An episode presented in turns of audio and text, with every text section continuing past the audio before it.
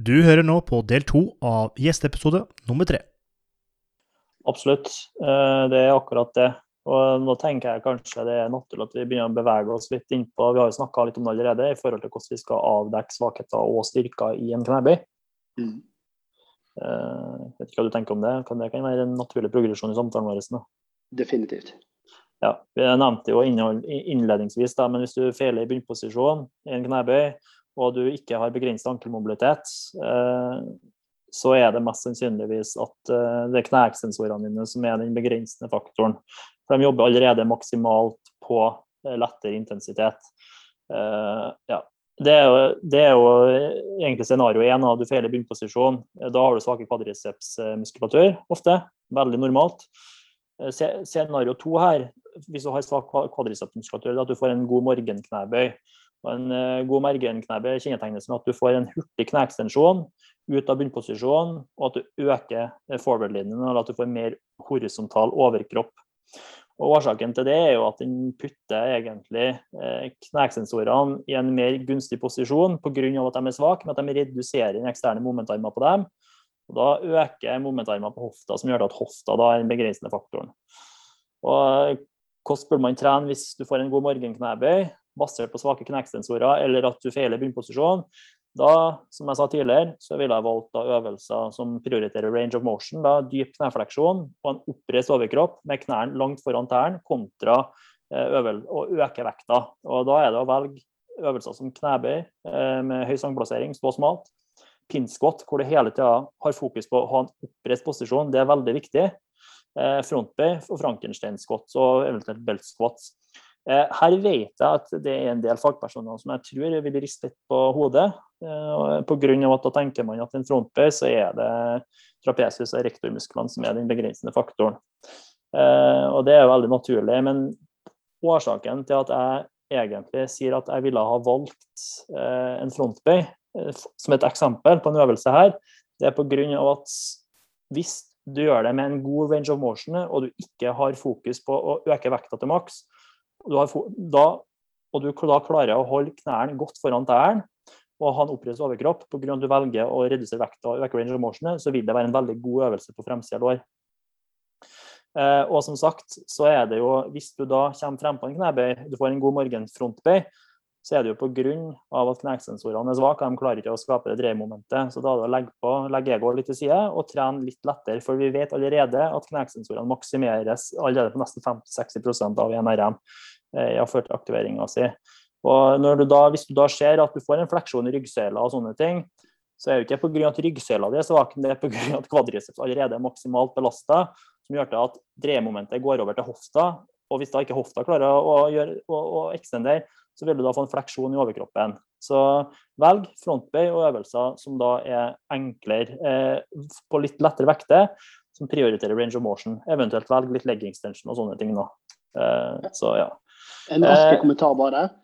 Mm. Eh, det du kaller Frankenstein-bøy, er det også mange som kjenner som zombiebøy eller zombiesquat. Bare sånn at man vet at det er den samme tingen. Ja. Kjært barn har mange navn. Riktig. Ja, eh, ja, eh, det som skjer nå, det er jo de to scenarioene jeg snakka om, en god morgenknebøy og, og feil bunnposisjon, det er ofte det jeg har som trener skjer veldig ofte. altså Veldig mange styrkeløftere de har veldig fokus på å øke hofteekstensorene sine. og sånne ting, pga. det litteraturen sier da, at man burde gjøre. Det har jeg også skrevet i artiklene mine sjøl. Man burde ha fokus på å øke styrken på hofteekstensorene pga. det er der man feiler. Eh, årsaken til at jeg har skrevet det i artiklene, er jo for at det er det vi har premisser til å si basert på artiklene våre. eh, Premiss 1, svane 1 er hvit. Premiss 1000, svane 1 er 1000. Konklusjon alle svane er 1000.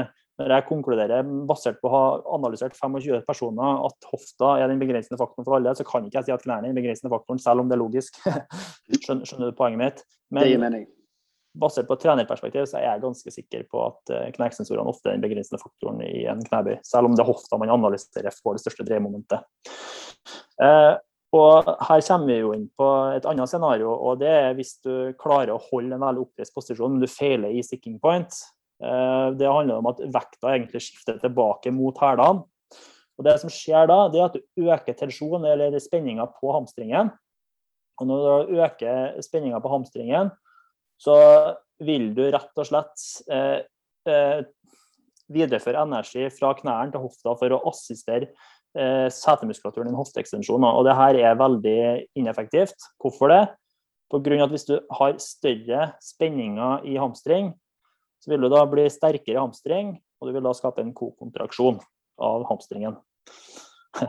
Så ja, komplekst. Eh, det er ikke et scenario jeg ser like ofte, da.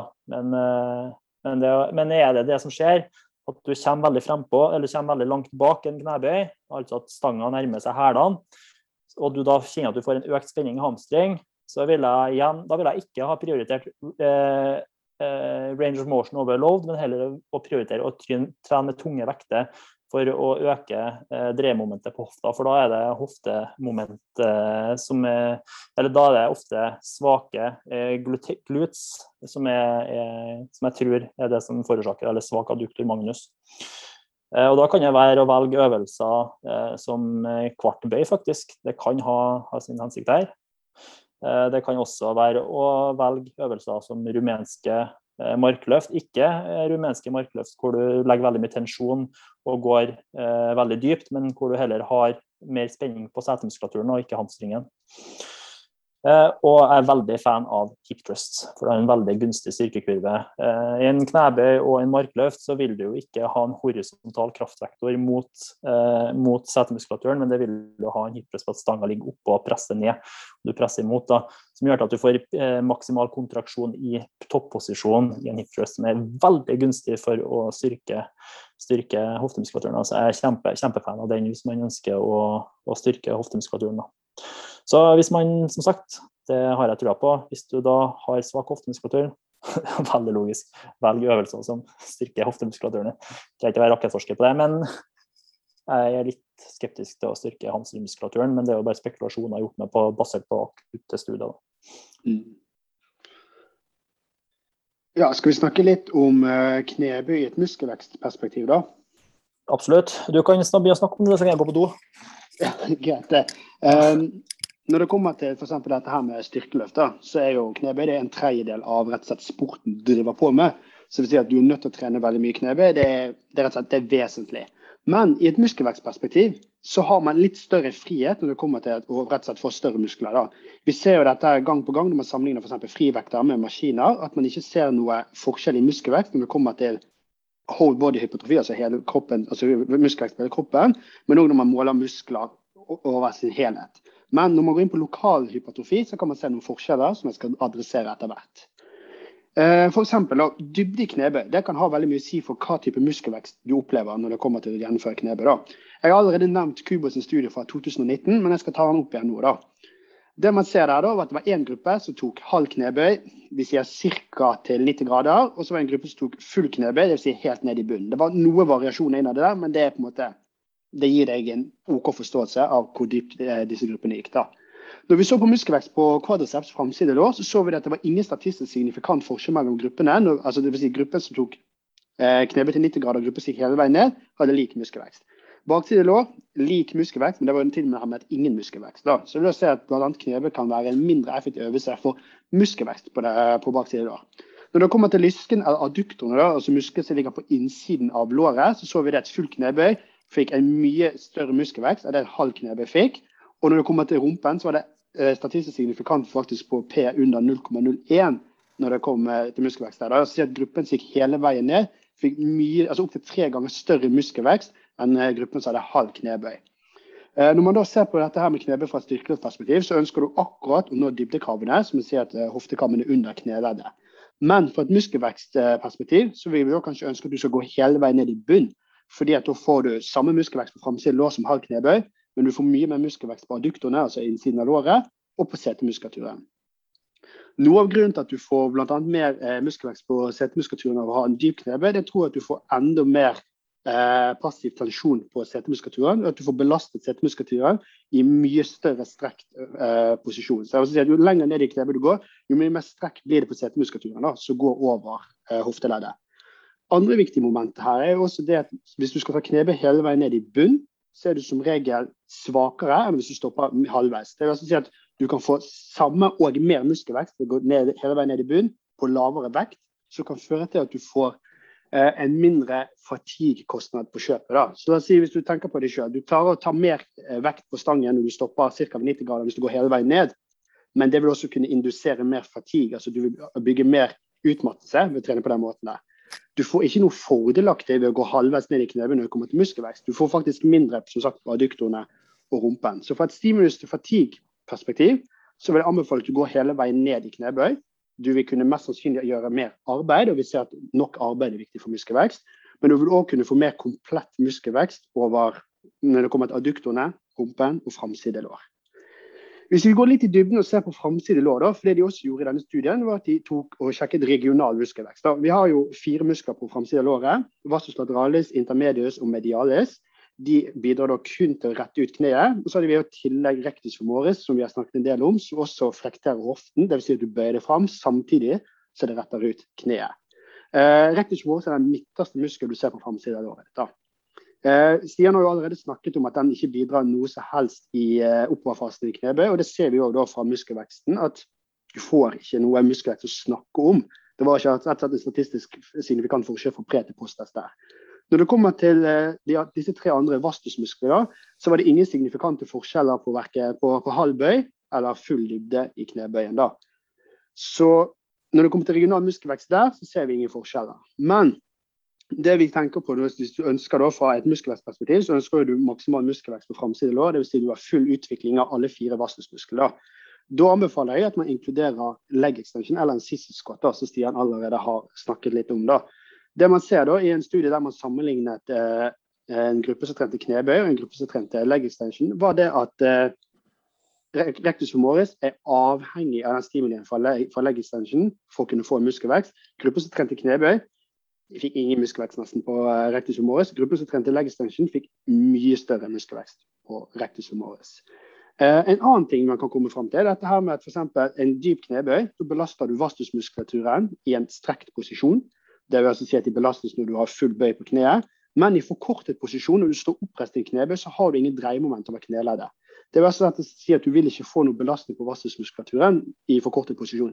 Leg extension derimot, det tilbyr dette her da, med at du har også belastning du har rettet kneet ditt helt ut. Så at du kan få belastet gjennom hele lengde spenningskurven på muskulaturen din. da. Dette ser man også f.eks. for, for setemuskulaturen din. da. Hvis du ønsker eh, full muskelvekst på setemuskulaturen, så har du dyp knebøy, dyp beinpress, splittbøyvarianter, utfall de belaster du setemuskulaturen i strekt posisjon, men du får ikke så veldig god belastning i forkortet posisjon. Stian nevnte jo akkurat det at det gjør du ved en hip trust. Så her handler det om å pare forskjellige øvelser for å kunne få full muskelvekst i både framside lår og i setemuskulaturen. Og spesielt dette her med å belaste setemuskulaturen i toppfasen i en, en hip trust kan hende er veldig gunstig for lockout-fasen i en knebøy. da, For de som ønsker å maksimere eh, prestasjonen sin i knebøy. Andre ting vi ser på når det kommer til regional muskelvekst på framside av låret, er jo rett og slett det at knebøygruppen de hadde god muskelvekst på øvre del av vastusmuskler og midtre del av vastusmuskler. Men de hadde rett og slett faktisk, faktisk mindre eh, del, altså nedre del, hvis du ser ovenfra ned. Den delen av vastusmuskelen som går ned mot kneet, der fikk faktisk eh, knebøygruppen mindre størrelse på muskulaturen sin. Leg extension-gruppen fikk mest muskelvekst på nedre del av, eh, av eh, vastusmuskulaturen.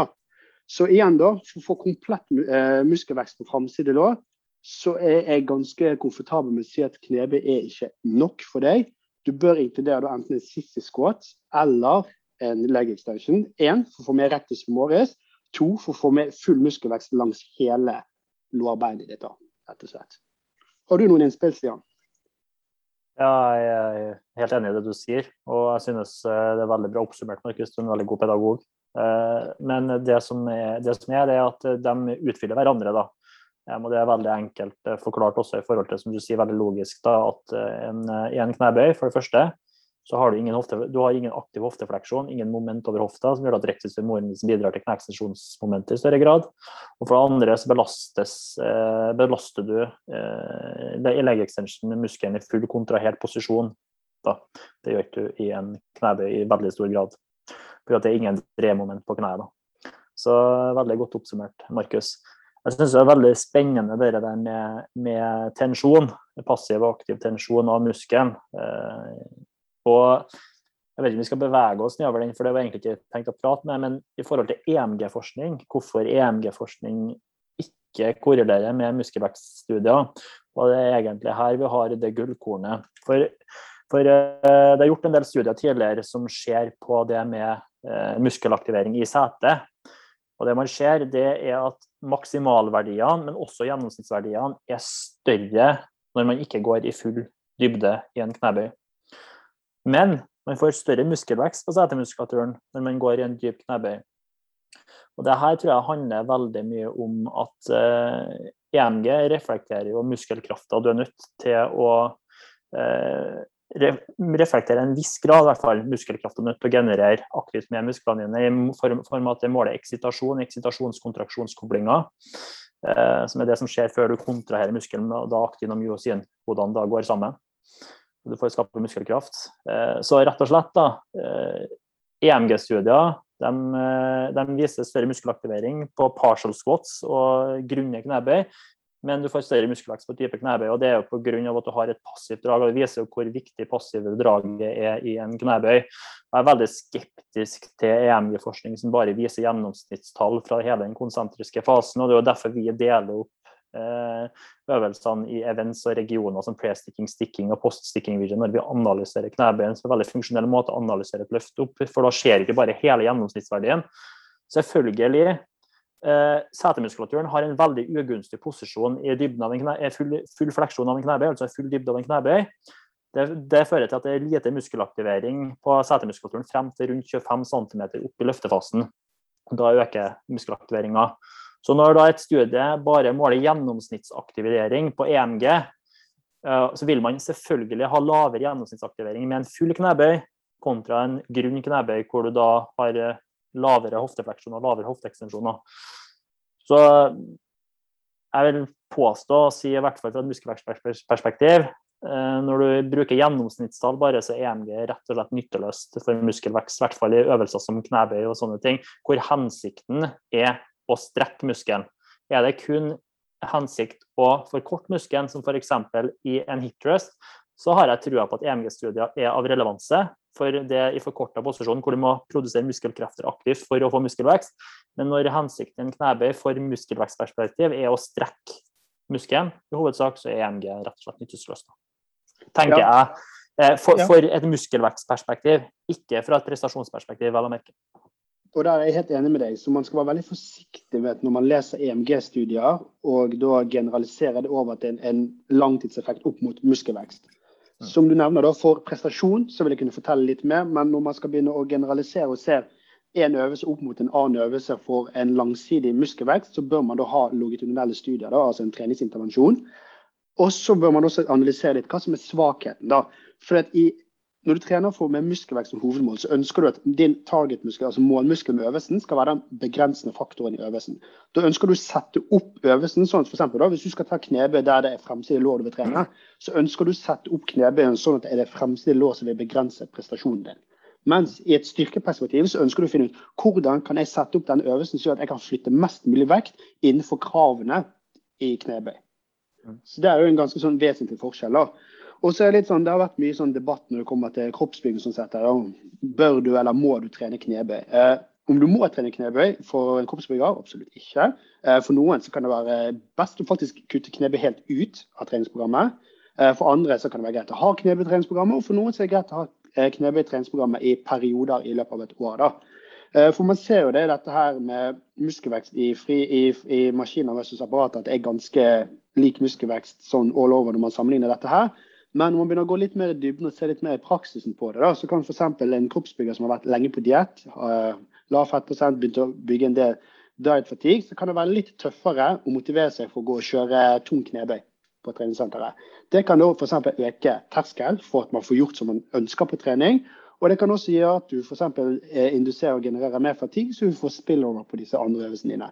Da kan det være helt fint å velge helt vekk knebøy og du får dekket muskelveksten du trenger på setemuskulatur og framside lår med beinpress, smittmaskinbøy, hack-squat, belt-squat og f.eks. det som vi akkurat har snakket om, at du bør legge inn en form for leg extension siste squat for komplett muskelvekst. Så knebøy, og det gjelder for så vidt benkpress og markløft, hvis vi skal ta disse fra styrkeløftvernet, det er ikke et must for en kroppsbygger, men det er ikke feil å trene i det heller. Det handler bare om hvordan du programmerer det, og hvem du har foran deg. da. Og da er mitt sånn store tips og slett bruk dette med stimulus til fatigue-ratio. For det kan være så ekstremt forskjellig fra person til person. Noen kan ha en kjempebra stimulus til fatigue-ratio f.eks. i en knebøy. Vil si at De kan bare kjøre på med knebøy. De får masse stimulus i muskler de ønsker, og genererer relativt lite utmattelse. Andre tre-fire sett med knebøy, og man er ferdig. Så det er rett og slett individualiseringen man må jobbe litt med der. da. Jeg vet ikke hva du tenker der, Stian? Jo, nei, Du summerer det veldig fint. Jeg er enig i alt det du sier. og Det meste er avhengig av kontekst og individuelle rammesetninger, da, eller rammefaktorer. Eh, når det kommer til at man er kroppsbygger, da man ønsker å, å ha mest mulig stimuli ut av hver øvelse og minst mulig utmattelse generert, så er det veldig gunstig. Men f.eks. på Olga 70 år, som trener knebøy én gang i uka, og ønsker å få most bang for the bucket til mest mulig treningseffekt og belasta mest mulig av skjelettmuskulaturen, så vil det være veldig gunstig igjen. Uavhengig om det genererer stor utmattelse eller ikke, tenker jeg. Jeg tenker at det genererer stor utmattelse da, så kan det være absolutt veldig gunstig pga. at du har en hel uke eksempel, på å restituere seg til neste gang. Nå. Så, så, det var egentlig bare det jeg ville legge til der. Eh, men jeg er veldig enig med deg. Samtidig så er det jo ja, eh, det er jo høyst spekulativt, egentlig, det der med stimuli fatigue ratio. Det er jo ikke veldig vitenskapelig eh, basert, men det er veldig logisk òg. Og selv om vi mm. ikke har data på ting, så må vi tørre å mene ting, mener jeg. Ja. Men så må man være forsiktig i ordlyden når man ikke har data på ting, hvis det er anekdoter, altså erfaringsbasert. Og bare for å spille litt videre på eksempelet med Olga på 70 år. Synes jeg. Med en gang du får inn vi skal si praktisk for eh, PT og sånt, når du skal sette opp program og trene andre, da, med en gang man begynner å komme i sånne kriser der skal vi si, maksimal muskelvekst ikke er hovedmålet, da, så trenger man ikke da drive og fikle med sånn at ja, du må så og så dypt, for den studien fra Kubo viste at du fikk mer muskelvekst i rumpen. eller du, du, er nødt til å inkludere en leg extension, for det gir deg bedre muskelvekst på nedre del av vastusmuskulaturen. og sånt. Det er sånne ting som man da bare må se litt mer vekk ifra. da, og da er jeg fornøyd med at man får dekket alle muskelgruppene. da. Så disse detaljene og mye av det meg og Stian har pratet om her i dag, da, både for eh, maksimal styrke og for muskelvekst, og sånn, der må du se hvem du har foran deg. For det å dytte det på folk som ikke er så inne i treningen, de skal bare trene to-tre ganger i uken, det kan øke det jeg kaller buy-in, for at man gidder å gjennomføre det. da, Så kan redusere etterlevelsen, da, som jeg mener er faktisk Hvis jeg skal sette et punkt over alt annet når det kommer til treningsresultater, så ønsker jeg å sette etterlevelse på toppen. For det skaper konsistensi, gjennomføring og oppmøte. Enig. Og Det er jo viktig at jeg presiserer her nå, det har vi jo ikke sagt så mye om, men nå snakker vi om underkroppstrening. Og Det tyder en del på at underkroppen er enklere å få passiv tensjon i, større passivt drag på enn i overkroppsmuskler. Dette er veldig spekulativt, men det er ikke alle overkroppsmuskler det er så enkelt å få maksimal passiv tensjon på som det er å gjøre i f.eks. vastusmuskulatur og, og hamstringsmuskulatur. Og så er det faktisk studier som indikerer at uh, vastusmuskulatur har individuelle forskjeller. og at mm. Jeg husker ikke hva som er hva, men jeg mener at vastus medialis er enklere å få full passiv tensjon på enn vastus lateralis. Det er Bertsley som holdt på å gå gjennom de studiene. Jeg har lest dem er så mange måneder, synes jeg husker ikke. Så det er forskjeller her òg. Uh, så aktiv tensjon, eller at du må ta med muskelen, er uansett veldig viktig for muskelvekstperspektiv. Ja, og Det som også er interessant der når det kommer til disse vastusmuskler, det er at man ser for det at vastus lateralis, den ytterste muskelen på framside lår, den er mest aktiv rett før du retter ut kneet helt. Det ser man i knebestudier, og det ser man også i leg extension-studier. Så da kan en barn for muskelvekstverden da, være en tanke at hvis du ønsker å legge med bias, ikke isolere, men med bias på vastus lateralis-muskulaturen, så kan du ha partials i leggestension, altså redusert range of motion, der du bare fokuserer på f.eks. lockout-fasen. da. Eh, så Det er sånne punkt som man kan se på hvis man skal gå litt mer i dybden på dette. Da. Når det kommer til dette med passiv tensjon og range of motion, så ser man at underkroppen har mye mer effekt av full range of motion enn overkroppen. da. Eh, Girgic og Skornfeldt har en oversiktsartikkel på det. Eh, Palares har en oversiktsartikkel på det. og Der fant man en statistisk signifikant forskjell mellom eh, full range of motion og ikke full range of motion for underkroppen. Men for overkroppen så så man bare en trend. Og det kan hende det har noe dette med at det kan være vanskelig å skape passivt drag i overkroppen, uten at vi skal gå i dybden på den eh, diskusjonen der i dag. Det er interessante spekulasjoner uansett. og Det du sier om vastus laterale-muskelen, det er jo helt korrekt at den er mer aktiv i topposisjon. og Det er jo veldig spennende da, i forhold til det med passivt og aktivt drag, hvordan det utfyller hverandre når studier Jeg mener det jeg er ganske sikker på at det var vastus medialis som letter for passiv tensjon. ikke mm. sant? Men så er det vastus lateralis da, som vi fant i ene knebestudien vår. så Den hadde en signifikant større forskjell i high bar low, high bar med smalt stand kontra bred stand. Eh, Mm. Og det som for, Forskjellen her er at den hadde en dypere knefleksjon. Og siden da vastus medialis ikke hadde en signifikant forskjell, så kan jo det tyde på at den dype ekstra knefleksjonen gjør det at den får så stor strekk at den får større passiv tensjon, som gjør at du får mer elastiske komponenter som genererer krefter, mens vastus lateralis må ta i mer med større grad av knefleksjon. Det er bare en spekulasjon jeg har gjort meg basert på å lese Birds og i tillegg til å forske på det sjøl. At det er kun lateralis som får en økt, eh, økt aktivering faktisk med dypere knefleksjon. Så det er veldig spennende og er veldig komplekst. og Jeg tror ikke vi får noe fasitsvar på det noensinne. Men vitenskapen, ikke sant? Når vi skal, hvis vi skal gå litt på vitenskapelig metode igjen, da, så handler jo faktisk eh, handler om å teste hypoteser. Mm. Og en signifikant, P-verdien er veldig forenkla handler om du da eh, forkaster hypoteser eller ikke for- forkaster den. Men en signifikant P-verdi eller stats, analytisk statistikk kan aldri påvise årsak-virkning. Det må du ha logisk tenkning basert på statistikken din for å kan si noe om. Du kan ikke si det da engang, men det kan indikere at hvis mange studier på samme felt har en hensiktsmessig metodikk for å finne ut noe, det er signifikant forskjell, og det er en logisk årsak bak årsak-virkning, så kan det tyde på at det er en årsak-virkningssammenheng. Så det er bare noe jeg ville legge på. Ja, og Der ser man også viktigheten at hvis man gjennomfører systematiske oversiktsartikler og metaanalyser, da at man rett og slett har gode nok studier inkludert igjen. For Ellers mister man litt av muligheten til å kunne påvise kausalitet i det, hvis det, studiene rett og slett ikke holder høy nok eh, kvalitet. da. Um, jeg tenker, Skal vi bare ta en, skal vi ta en veldig rask oppsummering av alt vi har pratet om i dag? Jeg har litt lyst til å snakke om valguskollaps først. Da tar du valguskollaps først. Det stemmer, det har vi på listen. Ja, for, eh, for det er noe som jeg observerer veldig normalt. Eh, Først og Hva er en valguskollaps? Ja, det var det jeg skulle si nå. Men eh, bra du, bra du minner meg på det, at jeg går blir for teknisk nå. en valguskollaps er jo da at knærne går innover i en knebøy. Det er noe som veldig ofte skjer. Jeg tror det er mer normalt hos damer enn menn, pga. at damer i gjennomsnitt har bredere hofte enn menn. Så det, Da vil ofte kuvinkelen, da, som er eh, vinkelen mellom kneleddet og hofteleddet, bli større. Da, så du får en mer diagonal vinkel der. Du har mer rom for bevegelse, da? Ja, Hva mener du med det? Nei, at, du, altså at femur har mer rom for å kunne bevege seg inn i hofte... eh, Ja.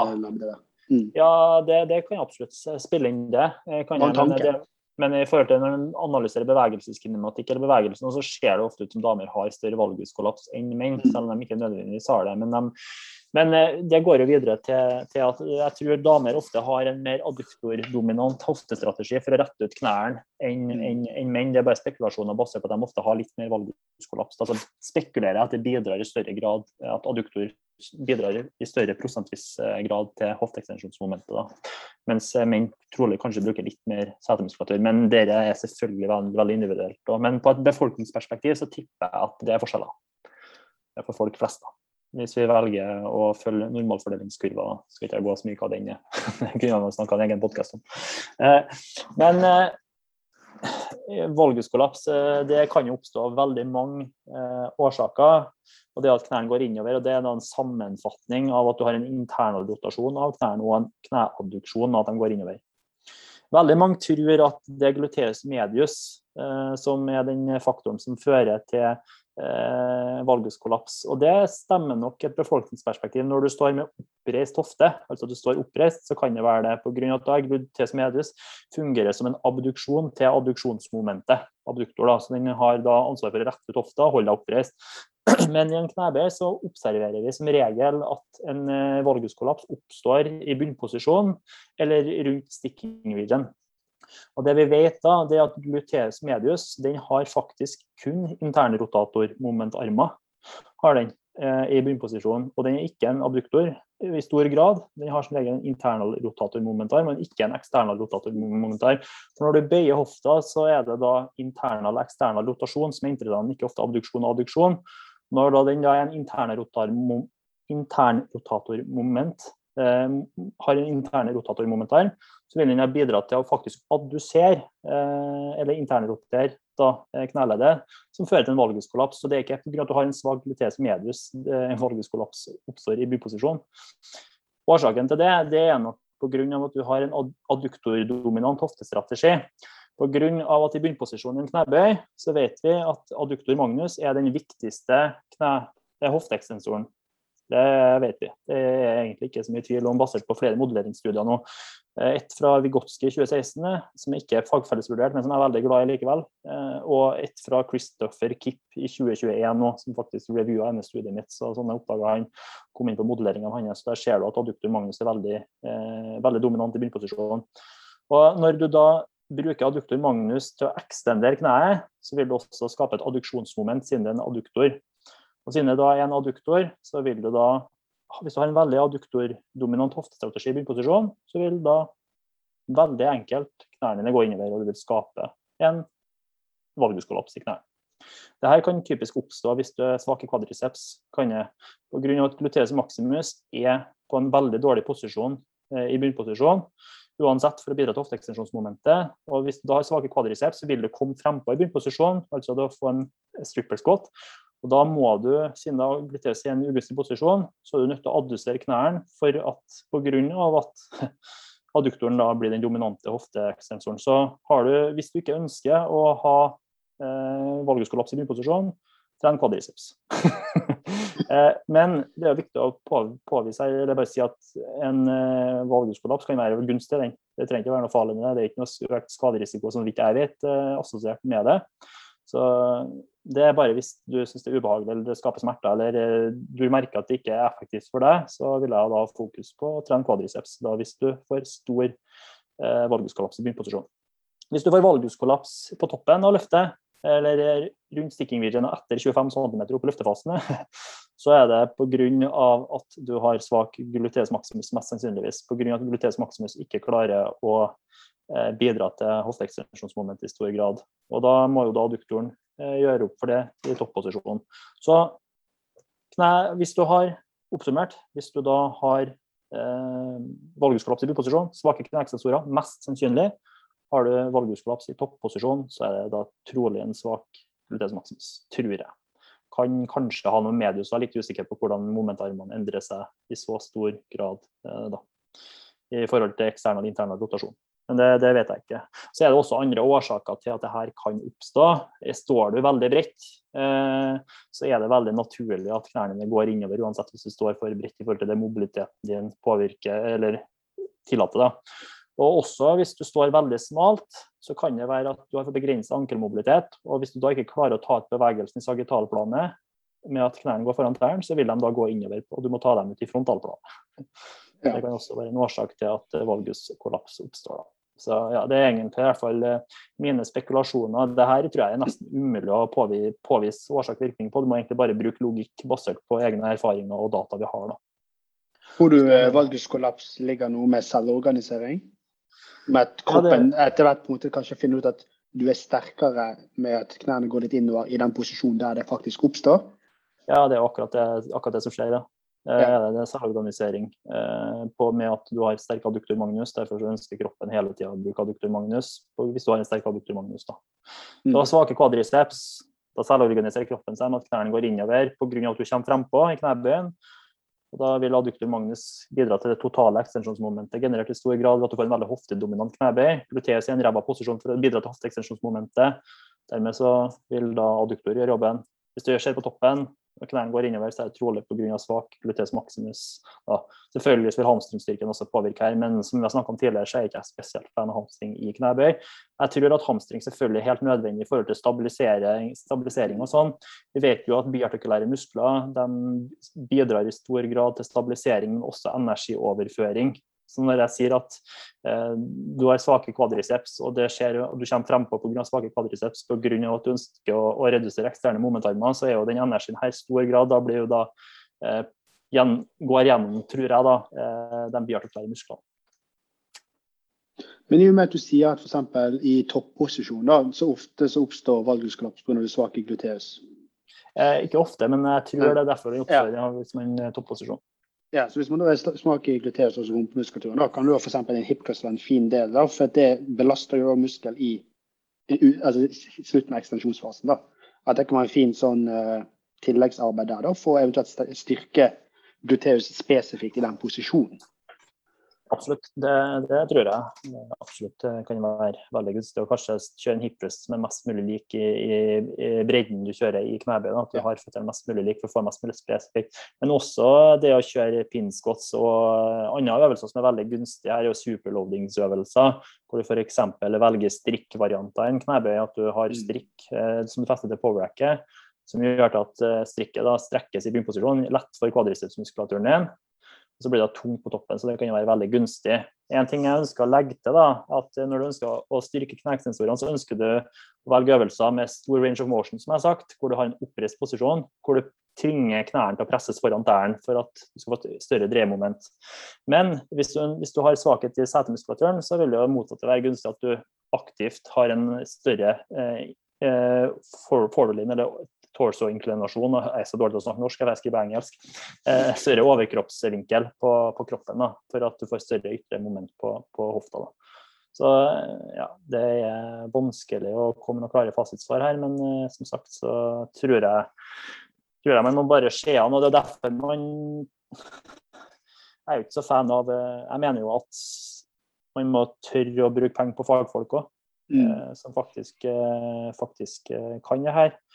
Det her er en egen vitenskap. Som jeg pleier å si til alle kundene som kommer inn på Care, nesten Hvis du skal bygge et hus, så er det ofte, hvis du ikke er veldig, veldig handy, at du spør en fagperson om å bygge huset for deg. Men når du skal gå inn på treningssenteret, da skal du gjøre alt sjøl. Du skal bygge din egen kropp. ikke sant? Og mm. Da mener jeg at man må tørre å bruke litt egen penger på egen helse. Uh, uansett om det er fra et etterlevelsesperspektiv eller om det er fra et toppidrettsperspektiv. Legg, bruk, trener du seks ganger i uka og du velger Arnolds blueprint, så er det mest sannsynligvis ikke tilpassa for deg.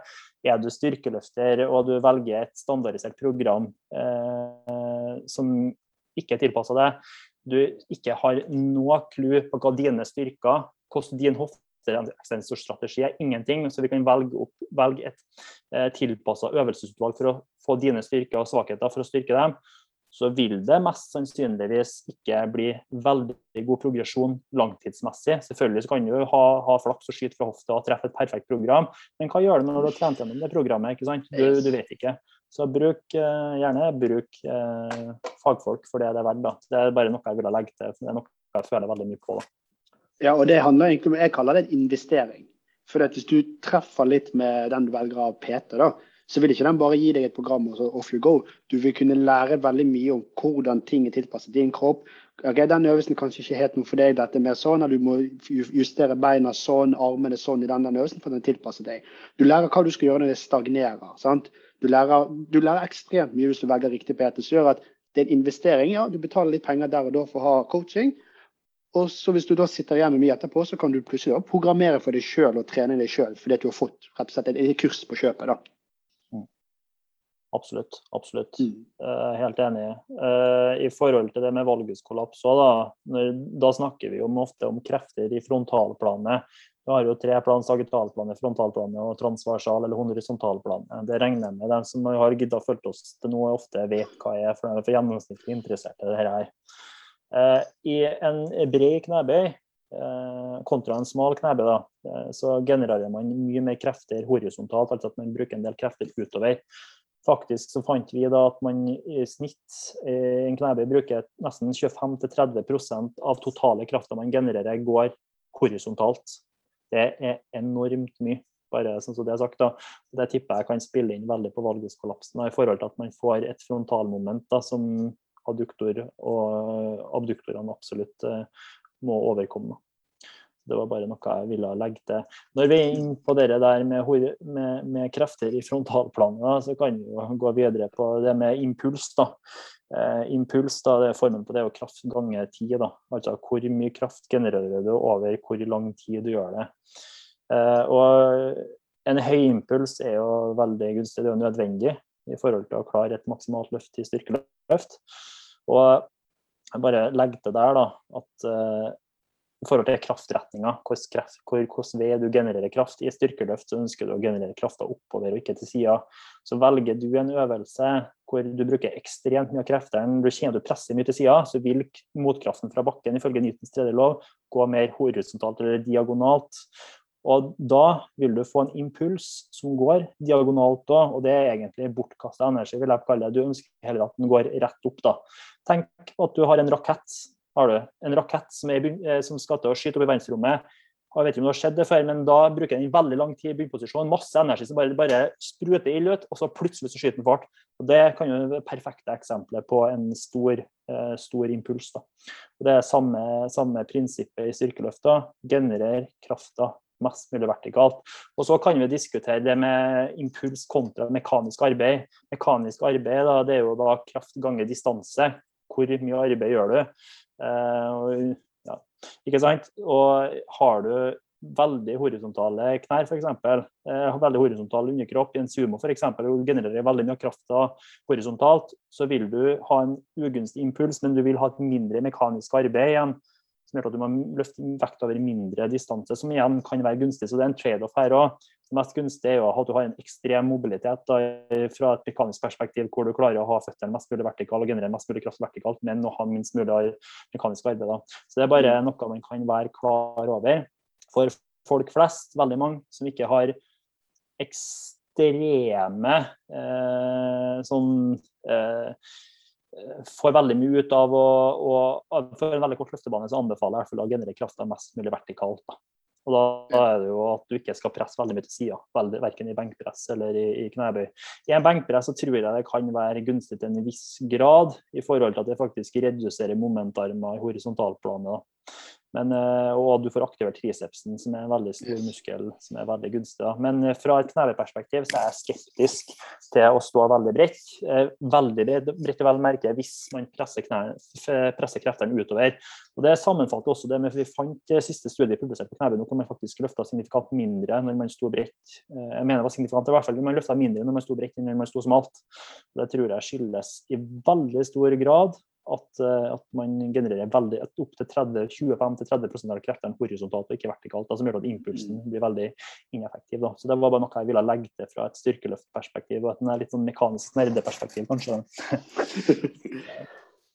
Jeg vet ikke om det ga mening for deg? Det jo, det ga, det ga, definitivt mening. Og det er jo noe man faktisk kan kjenne litt på sjøl når man faktisk gjennomfører knebøyen. Altså Får du det altså, energilekkasje ut til sidene, eller klarer du å bruke all energi på å generere kraft rett opp igjen? Sånn som du ønsker. Jeg vet ikke om du ja. ja. Jeg har en ting jeg vil snakke om. Og det er muskelvekst i rumpa med smalt kontra bredt stand i knebøy. Ja. Det syns jeg er veldig spennende. Eh, for eh, jeg har observert at ofte folk mener at du burde stå smalt i knebøy pga. at du får mer passivt drag på titinmolekylene innad i sarkomerene. Mm. det er mer muskelvekst da. Beklager for dem som ikke fulgte med på det. Eh, Men uansett, da, poenget er at du får mer strekkindusert hypertrofi når du står smalt, tror folk, pga. at du får eh, større, eh, større strekk på muskelen. På grunn av at Hvis du stiller deg bredere, så tror man at muskelen blir litt forkorta i horisontalplanet. Da. Mm. og, men poenget her er jo at hvis vi skal se fra et treningsperspektiv med ulike øvelser for å stimulere ulike deler av muskelen. Knebøy er ofte assosiert med at du ønsker å strekke muskelen og da nedre del av muskelen. Men problemet er at nedre del av muskelen har en adduksjonsmomentarm. Og når den har en adduksjonsmomentarm, så blir den strekk når du abduserer foten. Så når du da abduserer foten, eller du står bredere, så vil du faktisk få større strekk på den delen av muskelen som du ønsker å strekke. Så jeg er veldig, jeg, fra, fra mitt biomekaniske ståsted da, så er jeg uenig i at du må stå smalt for å få maksimalt strekk på titinmolekylene i en knebøy. Jeg tror det er motsatt, at du burde faktisk stå litt bredere pga. at de en, har en adduktormomentarm som da blir forlanga med en abduksjon. Men det er kun adduksjon, altså tærne ut. Jeg mener ikke at man skal eksternrotere knærne nå, eh, for da tror jeg man får den på forkorta. Så gjerne hvis man ønsker å få maks muskelvekst på rumpa, så én, jeg tror det er mer økologisk å stå, stå, stå litt bredere for veldig mange pga. at det reduserer kravet for ankelmobilitet. To, jeg tror du får større strekk på muskel på, på, rumpa. Jeg tror ikke det er signifikant at du noen gang kommer til å finne at det er signifikant når du står bredere. Men fra et treningsperspektiv over mange år, så tror jeg absolutt at man kanskje kan få litt mer strekk eller litt mer, mer bang for det bucket hvis man står litt bredere. Da. Hvor mye det utgjør, det vet ikke jeg i praksis, men det var bare min spekulasjon mm. som jeg legger til på slutten, eh, basert på at jeg vet at dette er en diskusjon i sosiale medier nå. Og mitt syn på det. Mm, jeg støtter det helt, og ikke minst, du må huske å gå dypt nok. hvis målet er muskelvekst på setemuskulaturen. Absolutt. Og der kommer du inn på økologien. at jeg tror at Hvis du står veldig smalt, så tror jeg veldig, veldig mange som, eh, som står smalt, sliter med å komme på og Ja. At de ikke klarer å ta ut bevegelsen, for de har ikke ankelmobiliteten. Mm. Da stå litt bredere tror jeg er litt gunstig da, fra et muskelvekstperspektiv, men også fra et økologisk perspektiv for folk flest, i forhold til at man da klarer å kjøre en dyp knebe, som du var veldig godt innpå her, Markus. Mm. Jeg vet ikke om du har noe mer på hjertet rundt eh, knebøy. Du kunne sikkert sittet til neste år og pratet om dette her, men eh, kommer du på noe som umiddelbart du ønsker å ta opp? Nei, jeg vet egentlig ikke. Enn du, Markus, har du fått snakka om alt det du Du snakka om safety bar Har ikke du, jo? Ja, vi har nevnt eh, kort eh, safety bar, så jeg har i hovedsak fått eh, pratet om det jeg ønsker å snakke om da. Så jeg bare Eh, tenker, ja, Hvis du skal velge tre øvelser for full utvikling av, eh, av eh, Eller velge øvelser for å utvikle rumpa, fremside lår og hamstring, hvordan ville du da ha kombinert i løpet av en treningsuke? tenker du da bare en sånn muskelvekst på Muskelmasse. størst mulig rumpe. Ja. Ja. Eh, For rumpemuskulaturen så hadde jeg valgt, jeg valgt dyp knebøy. Jeg hadde valgt dyp splittbøy, for jeg har lyst til å ha en unilateral øvelse. Og så hadde jeg valgt hip thrust for å belaste setemuskulaturen i forkortet posisjon. Eh, Så framside lår, så er det sånn, på generell basis så kunne jeg fint anbefalt eh, dyp knebøy på den, men for min egen del da, så har jeg en ekstremt dårlig stimulus til fatigue-ratio da. Så for min del så hadde jeg valgt dyp hack squat. Jeg hadde valgt leg extension eh, for å da få trent rectus femoris-muskulaturen, men òg for å få mer komplett hypotrofi gjennom hele framside lår. Og den siste er egentlig litt mer sånn mm, Hva det vært? Kanskje enfots beinpress. For å få en unilateral øvelse der også. Og for hamstringmuskulaturen, sittende lårkøl der du lener overkroppen framover for å få ekstra strekk på hamstringsmuskulaturen. Så er det valgt enten en eh, rumensk markløft eller en strak markløft, alt ut ifra hvilken av de to øvelsene som passer deg best. Og så kan jo man eventuelt Jeg er blitt veldig glad i faktisk eh, For de treningssentrene som har det, stående hamstring curl unilateral. Hvis ikke sittende, eh, nei, liggende lårcurl, for da får du på en måte trent den veldig forkortet og veldig strekt. da. For I og med at i en liggende så har du som regel mindre hoftefleksjon. da. Så gjør at når du trekker eh, foten til det, så får du enda kortere belastning, eh, enda kortere muskellengde på hamstring under belastning. Hva med deg? Nei, Jeg er helt enig i det du sier. Eh, i forhold til det. Skulle, det var egentlig det jeg tenkte å legge til det med å trene hamstring i forkorta posisjon. Da er jo en liggende lårkøl eh, eller Mm. en stående lårkøl mer hensiktsmessig. Da. For at i en rumensk markløft så får du jo strekt eh, full strekk på, på titinmolekylene i en hamstring. Eller full vet vi ikke, men du får god strekk på den. Så belaster den i forlenga posisjon, mens i en liggende lårkøl så har du da eh, får du belasta i en forkorta posisjon av hamstringen. Hvis jeg skal gå inn fra, bare for å oppsummere fra et styrkeløst perspektiv, hvilke øvelser jeg vil anbefale for å styrke, for å styrke en knebein. Hvis du har svake kneekstensorer, som ofte eh, du ser ved at du kommer veldig frempå tidlig i løftet, eller at du sliter i byggposisjon, så ville jeg prioritert øvelser med fokus på range of motion foran tunge vekter. Da øvelser som eh, frontbøy, frankenstein eller zombiebøy, som du finner kalt det. Eventuelt belt squat eller hatfield squat, eller en knæbøy, vanlig knæbøy hvor du har fokus på å ha knærne foran tærne, og at du prøver å holde kroppen mest mulig oppreist for at hofta ikke skal ta over i hofteekstensjonsmomentet. Mm. Hvis du feler mer i sticking-videoen, og du ofte får et posterior skift på stanga, altså at stanga kommer bakover, så er det ofte kan være en svakhet i setemuskulatur og i hofteekstensorene. og Da ville jeg valgt øvelser eh, som prioriterer eh, tunge vekter kontra range of motion, f.eks. pinnbøy, eh, knebøy med strikk, hip thrust, eh, knebøy med kjettinger eh, ja, og lignende. Så svak hofte, prioriter tunge vekter. Svake knær, prioriter range of motion, sånn i gjennomsnitt. da, og så er- kan, må det alltid tilpasses. så I løpet av en treningsuke så burde du uansett trene alt. Men i offseason så tror jeg i hvert fall at det å trene range of motion for å styrke knekksensorene kan være veldig gunstig hvis man har svake knekksensorer, og motsatt for hofteekstensorer. Har du noen tanker på det? Jeg syns det høres veldig fornuftig ut. Jeg. At du rett og slett du må se litt hva er svakheten din, hva må du jobbe med. altså En arbeidskravsanalyse og kapasitetsanalyse. Og det danner jo grunnlag for rett og slett hva som bør bør prioriteres i treningsarbeidet. Ja, Og eh, i forhold til om jeg skal løfte high bar eller low bar, det er jo det er veldig mye som spiller inn her. Eh, antropometri spiller inn. Eh, men eh, det er jo det som tillater deg å løfte mest fra A til Å i et styrkeløftperspektiv. high bar er typisk veldig assosiert med at man klarer å holde en oppreist posisjon. Low bar, og da er det jo, hvis man ofte har sterke knekksensorer, da, som gjør at man klarer å holde posisjonen oppreist hele tida. For veldig mange tror at det er ryggen som er den begrensende faktoren i knebøy. Det er det du ser, at det er ryggen som svikter til slutt, med at den runder. Man får såkalt bananrygg, men det tror jeg skyldes svake knekksensorer. Så sterke knekksensorer, velg eventuelt high bar. Eventuelt ha mye fokus på å styrke hoftemuskulaturen din for å eventuelt gå over den low bar. For at for folk flest så er det mer biomekanisk riktig da, når du mm. ser det. Eh, er man sterke hofteekstensorer, velg, eh, kan grunn å velge low bar, men det kommer også veldig av på. da. Så Det var det jeg ville bare legge til slutt. da. For Vi har gått veldig veldig dypt i materien, føler jeg i hvert fall. Eh, ja. Jeg i hvert fall føler at vi har gjort det. Og For veldig mange så kan det være greit å få noen sentrale take home points. da. Ja. Jeg har et par take home notes på muskelvekst. da. Det er det at knebøy er ikke en must-øvelse for muskelvekst, men det kan fint gjøres hvis det er en øvelse du liker. Men knebøy ser ikke ut til å være nok for maksimal muskelvekst av framside lår. Da bør du inkludere en sissy squat eller en leg extension for én, for tre i forkortet posisjon. To, få mer actus femoris. Tre, få maksimal muskelvekst på nedre del av eh, quadriceps, altså den delen som er rett over kneleddet. Uten det så har jeg ikke så mye å legge til der, sånn kort. Og så kan jo det du sier kan jo veldig godt være viktig for styrkeløftere. Hvis man har, gjør en kapasitetsanalyse og man rett og slett eh, har selvinnsikt og ser at man har dårlig muskelmasse, som jeg tror veldig mange sliter, sliter med.